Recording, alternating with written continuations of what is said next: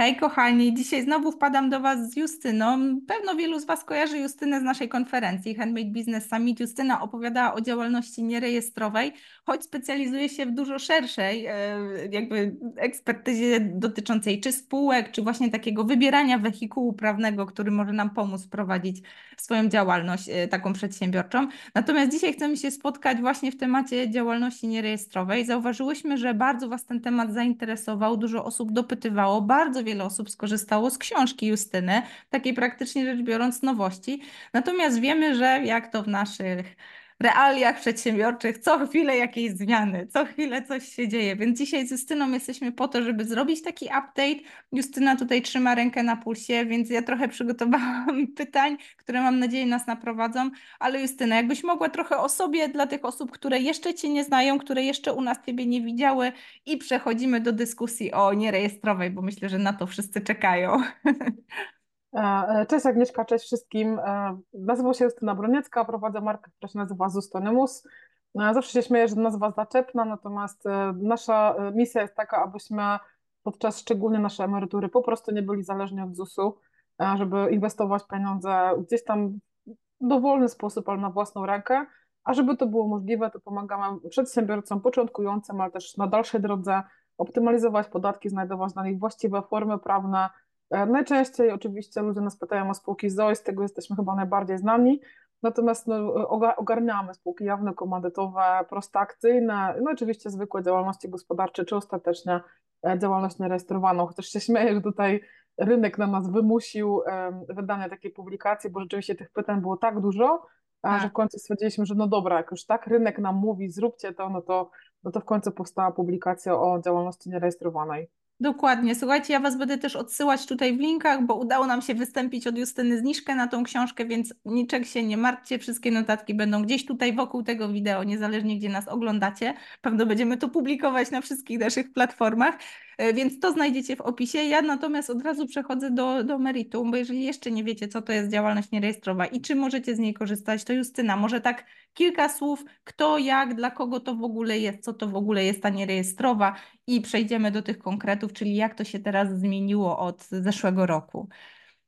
Że tak, jeżeli chodzi o działalność nierejestrowaną, no to jak sama nazwa wskazuje, jest to taka działalność, że dzisiaj podejmuję decyzję, ha, będę przedsiębiorcą, E, tak, i nie muszę nigdzie się rejestrować e, w związku ze swoją decyzją, nie muszę nikomu o tym mówić, e, mogę pozyskiwać i legalnie rozliczać pierwszych klientów, mogę się reklamować, zbierać koszty, więc myślę, że to jest no, fajna taka informacja dla osób, które no, próbują coś, coś zaczynają, sprawdzają jak rynek, czy mam pierwszych klientów, albo mam pierwszych klientów, ale no nie stać mnie na opłaty ZUS-owskie, więc tak. chcę sobie to rozliczać legalnie, no bo umówmy się, dużo osób rozlicza to gdzieś tam w podziemiach, potem zastanawiają się, czy ktoś na nich doniesie.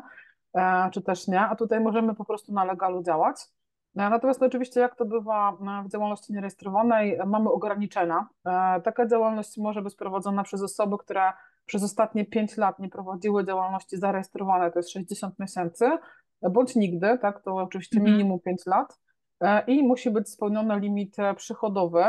Przypominam, że przychód to są pieniądze, które do nas przychodzą, tak, i teraz, no właśnie, tu mam dziurę, E, wynagrodzenie minimalne. Nie mogę tej kwoty zapamiętać, nie? Tak, ale fajnie, że mówisz, bo to nie jest tak, że to jest kwota stała, która ciągle jest taka sama, tylko to jest kwota, która jest wynikową kwoty, do której musimy się odnieść, która co roku tak, jest aktualizowana. Właśnie, tak, generalnie jest tak, że możemy zarabiać w przychodzie maksymalnie 75% liczono od kwoty e, brutto, minimalnej krajowej. Aktualnie ta kwota minimalna wynosi 4242 zł.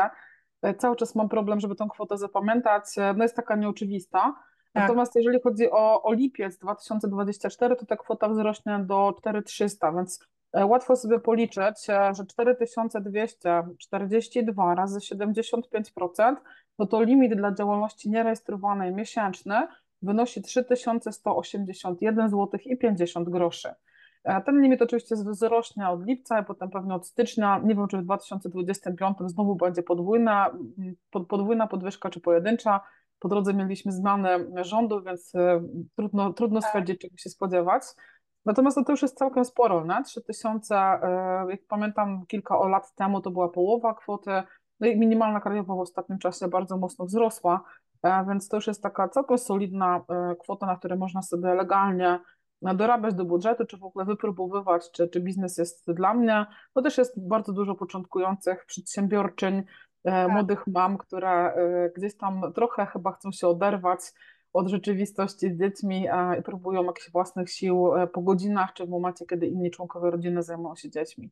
Dokładnie, dokładnie. Super, że powiedziałaś o tym, że właśnie to jest taki wehikuł, który możemy coś przetestować. Jeszcze nie gnamy się wszędzie rejestrować, natomiast pewne rzeczy nas obowiązują, między innymi to, że po, potrzebujemy jakoś ewidencjonować te przychody. Jakbyś mogła trochę o tym powiedzieć, bo wiem, że dużo osób się w ogóle boi, jak mam to robić. Tak, wydaje się to jakiś trudny proces, wbrew pozorom wcale nie jest to takie trudne, warto to robić i to bardziej służy nam niż jako taki obowiązek formalny. E, znaczy tak, no, pamiętamy, że musimy pilnować tego limitu przychodowego i póki co tak. on jest miesięczny, na razie nic nie wskazuje, żeby rząd e, zajmował się działalnością nierejestrowaną, bo tam był taki pomysł, żeby to na roczne zmienić, ale umówmy się, że w gąszczu różnych tematów działalność nierejestrowana nie jest tak. priorytetowa.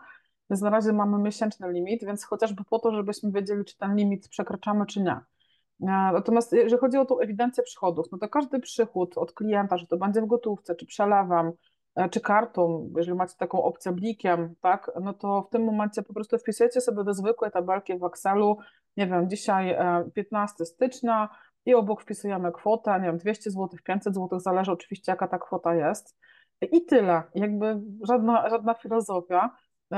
Fajne jest to, że podatek od tego płacimy raz w roku, więc jakby nie trzeba co miesiąc tego pilnować, jakieś deklaracje składać, tutaj też dużo osób się obawia. No teraz mamy przełom roku, więc też mnóstwo ludzi pyta, jak to rozliczyć. Więc e, jeżeli z jednej strony mamy przychody, no to jest to działalność, w związku z tym możemy też mieć koszty. E, I teraz e, jakby w drugiej kolumnie wiecie, wpisujemy sobie znowu datę, ile wydaliśmy. Teraz, żeby ten koszt mógł być naszym kosztem, to musimy mieć rachunek imienny czy albo faktura imienna, albo faktura z NIP-em, jeżeli ktoś ma NIP, bo są osoby, które mają, nie mają, jak ktoś ma NIP, tam niskie kwoty, no to wystarczy NIP na fakturę wrzucić, taki paragon dostaniemy z NIP-em, to też jest ok, no bo NIP jest indywidualny, no i po prostu sobie te dokumenty albo w jakimś pliku, albo dokumenty fizyczne w jakiejś teczce trzymacie, E, pamiętamy, że wszystkie dokumenty do Urzędu Skarbowego trzeba trzymać 5 lat, więc tak naprawdę 6, bo to jest e, tak, że jeżeli dokument jest z 2024 roku, to pierwszy rok dopiero mija na koniec 2025, więc tak naprawdę to jest 6 lat, a nie 5, 5 pełnych lat. O może tak, to będzie lepsze stwierdzenie. Więc gdzieś te dokumenty albo trzeba mieć zarchiwizowane w formie PDF-ów, albo, albo w jakiejś teczce e, papierowo. Rekomenduję trzymać tam porządek, w tym sensie, że to jest też taka trochę nauka tego, jak się prowadzi biznes e, w bezpiecznych warunkach. Tutaj błąd nie będzie Was właściwie nic kosztował. Natomiast e, później, jak się prowadzi działalność zarejestrowaną albo spółkę ZO, no to tam błędy już są bardzo kosztowne, no więc tutaj też warto się uczyć takiego sukcesywnego wpisywania do tej tabelki, tak. pilnowania tych dokumentów, miesięcznego rozliczania, podliczania, tak żeby e, pilnować tych przychodów, ale uczyć się takiej dyscypliny prowadzenia administracji firmowej, to też jest takie bezpieczne, bez przechodzenia na głęboką wodę od razu. Tak, tak. Fajnie, że o tym mówisz, bo z jednej strony właśnie e, to jest trochę tak, że jak, jak to nam się trochę miesza z takimi, wiesz, prywatnymi finansami, a my się troszeczkę uczymy tego, że to się oddziela, że to się robi osobno, że to się ewidencjonuje. I fajnie, że powiedziałaś o tym ewidencjonowaniu przychodów, ale z drugiej strony też warto ewidencjonować koszty, żeby wiedzieć, ile nam tam zostaje, tak? Ile jest tego, nie, e, też tego, co nam zostaje w kieszeni realnie. Jakbyś o tym no, mogła kilka słów. No właśnie, tu jest tak, że e, warto rozróżniać dwa pojęcia. Mamy przychód i dochód ja pracuję z przedsiębiorcami tak. już teraz ponad 15 lat i wiem, że ludzie, którzy prowadzą filmy kilkadziesiąt lat, używają tych pojęć jako synonimy, a to nie są synonimy. E, to są tak. dwa różne pojęcia. Przychód to są pieniądze, które do nas przychodzą i to jest e, ten, to, to gdzie musimy pilnować tych 75% przychodu. Natomiast podatek płacimy od dochodu. Dochód to są przychody minus koszty, więc jeżeli nie ewidencjonujesz kosztów, no to dla ciebie przychód będzie się równał dochód, oznacza to, że płacisz wyższe podatki, a każdy z nas jakieś pieniądze, nawet jeśli prowadzimy działalność nierejestrowaną, wydajemy na szkolenia, tak. jakieś, nie wiem, hostingi, strony internetowe, zdjęcia, półprodukty, jakieś materiały, tak, e, szczególnie w rękodziele, no mnóstwo się tego kupuje. Tak. Nie, to wcale nie są tanie rzeczy. E, więc jakby jak nie macie na to faktur czy paragonów e, imiennych, to, to w tym momencie okazuje się, że płacicie podatek od całej kwoty. Więc dlatego warto te koszty zbierać. E, wczoraj jeden z klientów zadał mi pytanie, czy jeżeli wyjdzie mi strata, czy to i tak się opłaca, czy urząd skarbowy się nie przyczepi. Szczególnie jak ktoś zaczynał na końcówce roku, jakiś tam październik, listopad, grudzień, okazuje się, że zrobił duże inwestycje, bo wiecie, strona internetowa, bo sklep, jakieś zdjęcia, opisy produktów i tak dalej No i może się okazać, że koszty ma większe niż przychody. Moim zdaniem warto taką stratę wykazywać, bo możemy ją rozliczyć w kolejnym roku. Czyli jakby mm, to nam wejdzie y, w ujemny dochód, dzięki temu zapłacimy znowu mniej podatku.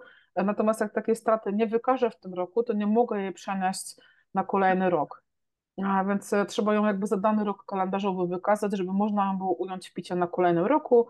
No i e, PIT składamy raz w roku, jest to PIT 36 e, do końca kwietnia za rok poprzedni i podatek opłacamy raz w roku. Więc nawet jeśli ktoś tam jest blisko tego limitu 3000, no to pewnie warto sobie na tym prywatnym koncie tak. co miesiąc zostawiać te 12%, tak żeby później nas ta kwota roczna gdzieś tam nie przytłoczyła. Dokładnie, dokładnie, świetne wskazówki. Wiesz, ja się też zastanawiam, jak w kontekście e, tej naszej branży rękodzielniczej, bo rzeczywiście to jest idealny wehikuł prawny dla osób, które sprzedają produkty, nie? To, to jest taka jasna sytuacja. Natomiast u nas bardzo dużo osób prowadzi warsztaty, no i jakby jakby nie patrzył, jest to usługa. Co z tymi usługami na, na działalności nierejestrowej? Wiem, że tutaj są jakieś sprytne sposoby lawirowania między przepisami, ale mamy też interpretacje prawne, które trochę obcinają tą samowolkę. Czy tak, e, jeżeli chodzi o usługi, no to my też jakby na fali różnych zdań, różnych doradców podatkowych, prawników, w końcu wystąpiliśmy o indywidualną interpretację. Umówmy się, że mojej spółce ona nie jest potrzebna, tak. natomiast jakby no była potrzebna w kontekście tego, żeby upewnić się, na co na to ZUS. Niestety ZUS twierdzi, że usługi są czynnościami wykonywanymi osobiście, w związku z tym trzeba odprowadzać od tego ZUS. E, my sprawdziliśmy usługi szkoleniowe, coachingowe, korepetycja, nauki języków obcych, E, no to byliśmy w stanie jakby logicznie tak. wytłumaczyć, że tego potrzebujemy, natomiast no już jakieś usługi kosmetyczne czy rękodzielnicze, no to nie bardzo.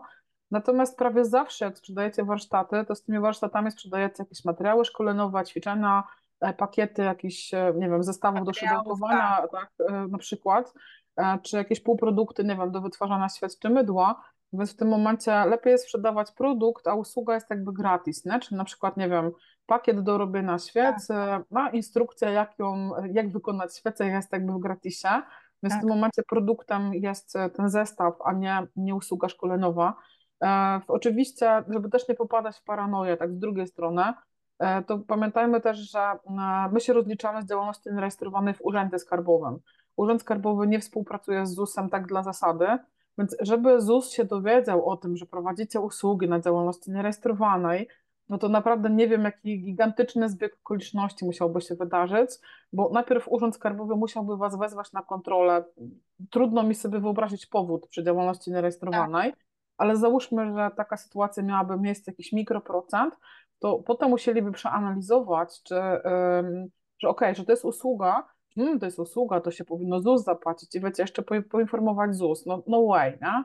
Tak. E, jakby to się, to się naprawdę to jest jakiś, nie wiem, mikro, mikro procent, że coś takiego może się wydarzyć. No sytuacja inna, że jakiś klient robi doniesienie, nie? To jest chyba mhm. bardziej prawdopodobna, no tak. ale przy tak małej skali, gdzie sprzedajemy raczej osobom, które znamy, albo znają nas przynajmniej z mediów społecznościowych, to są raczej cieplejsze kontakty, no to też nie spodziewam się, że komuś się chce tam jakieś doniesienia robić. Z ciekawostek ZUS zawsze płaci osoba kupująca, e, więc e, to nie my mamy problem, tylko kupujący ma problem. Więc nawet jeśli wasz klient chciałby złożyć doniesienia, no to on się nie wywiązał z obowiązku zapłacenia składek ZUS, nie? E, tak. Więc, więc donosi trochę sam na siebie. Tak, tak, więc to też daje duży poziom bezpieczeństwa, bo widzę, że tutaj jest bardzo dużo obaw, które wynikają właśnie z takiej nieświadomości, jak to faktycznie jest. Mity miejskie już tam rosną w internecie, mhm. no i sprawia to, że po prostu tkwimy w tym paraliżu, a lepiej nie, bo nie daj Boże, E, zrobię sobie podgórkę. Więc super, że to rozjaśniłaś. Myślę, że też cenna informacja dla tych osób, które po prostu chcą spróbować. Tak jak powiedziałaś, ta nierejestrowa jest po to, żeby zobaczyć, czy my w tej przedsiębiorczości chcemy być. Jest to taki wehikuł, który właśnie pozwala nam podjąć tą decyzję nawet, no niekoniecznie, tak? Odkręcanie jakby tego nie jest tak kosztowne czasowo czy, czy, czy energetycznie jak rozwiązanie spółki, czy właśnie zamykanie działalności. Chociaż tu też nie jest aż tak źle.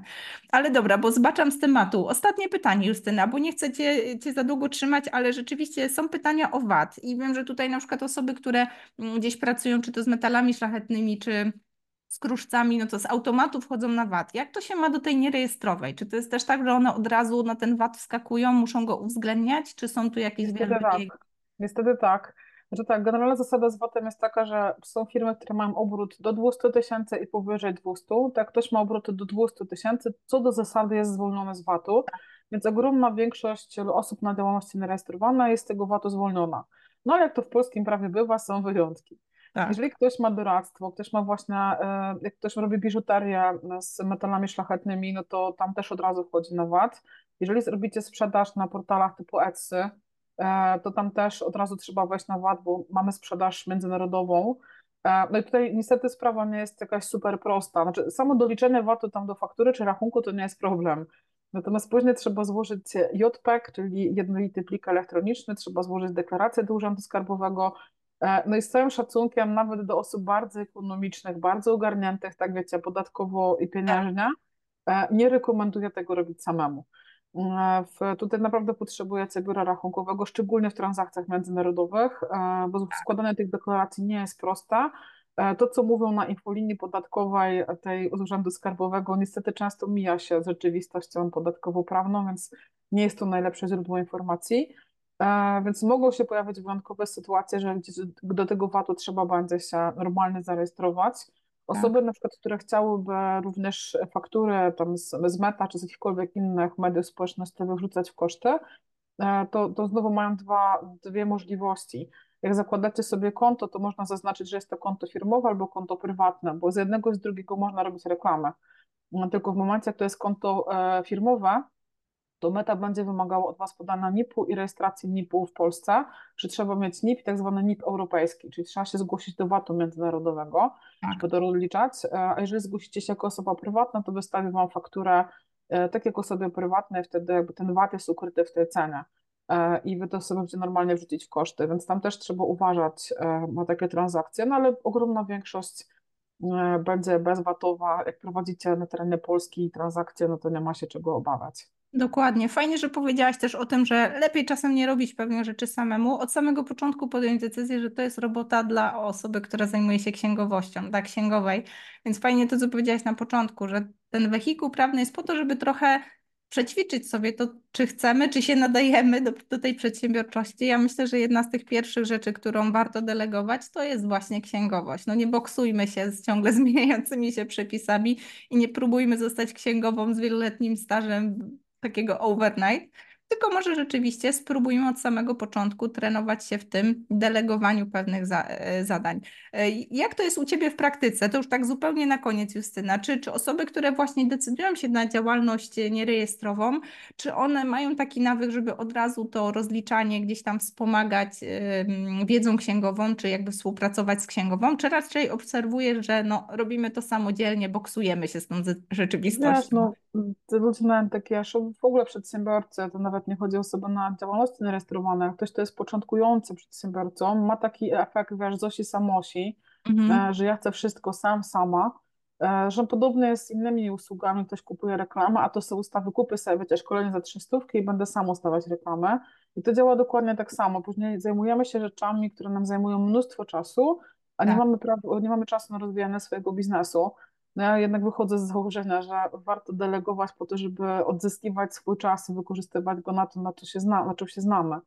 E, ja też, ja też deleguję mnóstwo rzeczy marketingowych. E, znam jasne ogólne klocki. Kiedyś nawet umiałam ustawiać reklamy na, na meta, ale już, już chyba nie umiem ich wyklikać, bo to było trochę lat temu. E, ale w, no, po co mam się z tym boksować, jak nie jestem w tym ekspertem? Więc trochę, trochę łatwiej jest delegować, ale no, większość chce samemu.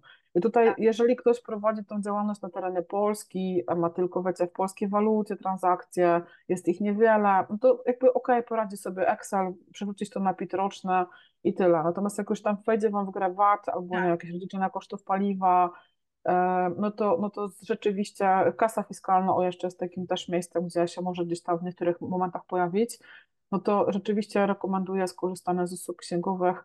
Jeżeli chodzi o taką działalność nierejestrowaną, no to są kwoty 150-200 zł miesięcznie, no dużo mało, nie? Natomiast znowu z drugiej strony pomyślcie, ile roboczych godzin musicie na tym spędzić, żeby to tak. zrobić dobrze i czy jesteście w stanie w tym czasie zarobić tą kwotę. Jestem absolutnie pewna, że w 99% przypadków e, jesteście.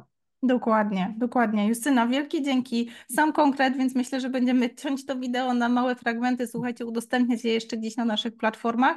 Natomiast Justyna, jakbyś mogła trzy minuty powiedzieć o książce. Ja idę kurierowi otworzyć, ale Justyna śmiało. Okej, okay, to tak, jeżeli chodzi o, o książkę, no to e, przygotowaliśmy książkę Działalność nierejestrowana. E, jest to książka e, opowiadająca o tym, jak działa ta nasza nierejestrowana działalność, od takich prostych tematów związanych z tym, jak muszę prowadzić, ewidencjonować przychody, koszty, jakie działalności mogą być, jakie nie mogą być, ale znajdują się też takie bardziej skomplikowane tematy, czyli właśnie VAT, kiedy ten VAT mnie dotyczy, jak się do niego zgłosić, jak wypełnić deklarację, jeżeli ktoś jednak by się porwał robić to samemu, chociaż mam nadzieję, że e, szczegółowa instrukcja w naszej książce się do tego zniechęci. Natomiast myślę, że to, co jest e, ciekawe, to też w jaki sposób łączyć działalność narejestrowaną z etatem, z umową o dzieło, umową zlecenia. To też znajdziecie w tej książce. No i w drugiej części są case study. E, my tutaj w, wraz ze współautorką Agnieszką, z którą pisałyśmy tą książkę, uwzględniłyśmy takie typowe branże, w której się NDG używa. Czyli mamy wirtualną asystę rękodzieła na drugiej pozycji. Tak. mamy e, szkoleniowców, trenerów, coachów, tak, sklepy internetowe, MLM, e, języki obce, redaktorzy, copywriterzy, graficy, fotografia i kosmetyczne usługi fryzjerskie. I w tych case'ach jest opisane, więc jakiś case tam u konkretnej osoby, co jest typowym kosztem w tej branży, czy na co warto zbierać paragony imienne czy faktury. No jeżeli to jest usługa, to są też e, propozycje jak sobie z tymi usługami poradzić tak, żeby tam nie wpisywać usługa na, na rachunek, czy na, na paragon, czy na fakturę. E, także takie typowe wskazówki. No i na końcu są e, przygotowane e, takie różne druki, których możecie używać. To jest na przykład ewidencja przychodów i kosztów. Gdzieś tam po drodze też jest wzór dobrze wypełnionej faktury, czyli jak przygotować taką fakturę, ewidencja przebiegu kilometrów, więc wiecie, tak naprawdę dostajecie komplet do tego, żeby teoretycznie móc samodzielnie sobie z tym poradzić, chociaż tak jak mówię, szczególnie ten VAT opisałyśmy bardzo szczegółowo po to, żeby zniechęcić ludzi do tego, żeby robić to samemu. Tak, żeby zrozumieć, że to jest na tyle skomplikowane, że osoby, które nie są ekspertami od księgowości, po prostu nie powinny tego robić same. Dokładnie. I tyle. Świetnie, tak, wielkie dzięki Justyna. Y, ja, ja jeszcze takie pytanie, bo wiem, że dużo się zmienia. No choćby ten limit, właśnie ta nasza krajowa, ta, która kwota jakby się zmienia. Czy są takie rzeczy, na które warto zwracać uwagę? My na pewno będziemy tu aktualizować tą wiedzę, ale żeby uczulić, że warto to od czasu do czasu sprawdzać. Na ten moment przy działalności zarejestrowanej nie wygląda na to, żeby coś się w najbliższym czasie miało zmieniać, poza tymi limitami, które są uzależnione od minimalnej tak. krajowej. Natomiast na to, na co warto zwrócić uwagę, to jest kasa fiskalna, bo cały czas jest rozporządzenie o kasach fiskalnych, ono się potrafi zmieniać kilka razy w roku. Zmiany polegają na tym, że tam cały czas dopisują nowe rodzaje działalności, które są zobowiązane od pierwszego dnia posiadać kasę fiskalną. E, na przykład wczoraj miałam pytanie o handel, e, znaczy naprawę takich, wiecie, części do samochodów. E, chodziło konkretnie o lampy i no niestety jest od pierwszego dnia obowiązek w takich e, działalnościach mieć kasę fiskalną, więc e, no, tutaj to jest chyba takie miejsce, gdzie po prostu trzeba to rozporządzenie na bieżąco śledzić. Ono ma kilka stron, więc to też nie jest mm -hmm. jakaś kniga nie do przejścia, ale chodzi głównie o tą listę, listę zawodów, nie? czyli listę rodzajów działalności, na które tę kasę trzeba mieć, bo ona się zmienia często. My tutaj wskazałyśmy w książce e, no, na przykład usługi kosmetyczne, które muszą być od pierwszego dnia, natomiast no, w takich typowych albo takich zwykłych działalnościach na NDG najczęściej występują, no to, to rzadko taka sama miejsce.